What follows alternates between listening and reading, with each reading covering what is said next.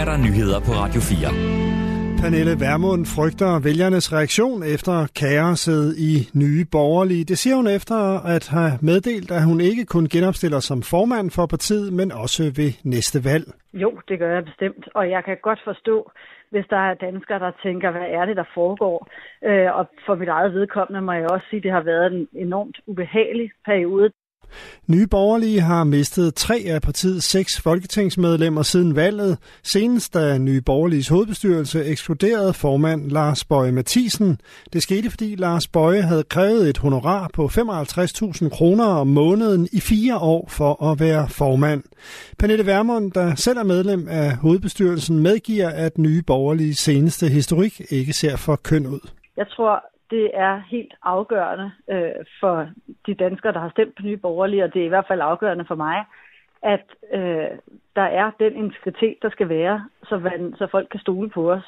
Øh, og den integritet har lidt skadet.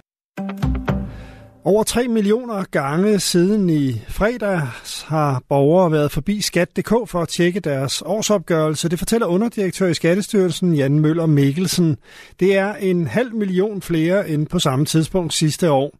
I fredags åbnede Skattestyrelsen i testtilstand for, at man som borger kunne tjekke sin årsopgørelse. Den officielle åbning er i dag, hvor man også kan ringe ind til Skattestyrelsen med spørgsmål. Optællingen tæller antallet af login, men det betyder ikke nødvendigvis, viser, 3 millioner borgere har tjekket årsopgørelsen. Nogle borgere kan have været forbi siden flere gange. Loven om kviklån har haft held med at mindske unges gæld til dyre forbrugslån. Det viser en analyse fra Finans Danmark. Loven, der blev vedtaget i 2020, sætter et loft over, hvor store årlige omkostninger der må være ved et lån. Og det har fået færre unge til at optage kviklån, siger analysechef i Finans Danmark, Christian Hebøl Hammer. Og særligt i 2021 set et stort fald i antallet af nye øh, lånere. Og der kan helt klart ses en sammenhæng her med kviklånsloven fra 2020, der netop satte et loft over, hvor høje omkostninger der må tages på lån, og dermed de facto sætte en stopper for de helt øh, dyre forbrugslån i Danmark. Ser man på gruppen mellem 18 år og 21 år, var der i 2020 13.000 unge, der for første gang optog et kviklån. Året efter, hvor loven var trådt i kraft, var det tal faldet til 8.000. Våbeneksporten til Europa er næsten fordoblet, viser den årlige rapport fra det svenske fredsforskningsinstitut SIPRI. Den viser, at de europæiske lande samlet set har øget deres import af våben med 93 procent i forhold til 2021. Ukraine, der blev angrebet af Rusland den 24. februar sidste år, er nu verdens tredje største våbenimportør. De største er Katar og Indien. Det er ikke kun Ukraine, der, der øger importen fra Europa. Mange europæiske lande køber mere militært udstyr på grund af det ændrede trusselsbillede.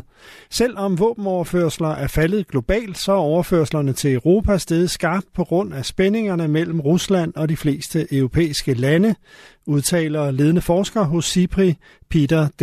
Wesemann. Cyberværnepligt skal gøres permanent og udvides, sådan lyder en opfordring fra Ingeniørforeningen til regeringen forud for de kommende forhandlinger om et forsvarsforlig. Et treårigt forsøg med cyberværnepligt, som udløber til maj, skal fortsætte og gerne udvides. Det mener professor i cybersikkerhed ved Aalborg Universitet og ekspert for Ingeniørforeningen Jens Myrup Pedersen. Cybertruslen øh, mod Danmark har aldrig været større, end den er nu. Og en af de allerstørste udfordringer, vi står med, det er mangel på kvalificeret arbejdskraft. Uddannelsen var i alt 10 måneder, hvor de første fire er almindelig værnepligt, mens de sidste seks bruges bag computere. Som ordningen er nu, består hvert hold af 16 værnepligtige. Til maj afslutter det sjette hold deres uddannelse, men der skal gerne uddannes endnu flere, siger professoren. De unge de får nogle rigtig gode værktøjer, som, øh, som de kan bruge øh, enten i forsvaret eller andre steder, og forhåbentlig er der også nogle af dem, der får inspiration til at, til at uddanne sig videre inden for cybersikkerhed.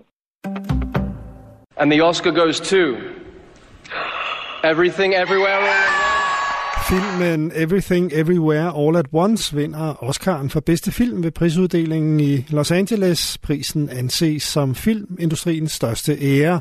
Filmen var nomineret i 11 kategorier, og den endte med at vinde hele syv af dem. Overskyet med udbredt regn, men i eftermiddag måske en smule sol, 7-11 grader varme. Det var nyhederne på Radio 4 med Henrik Møring.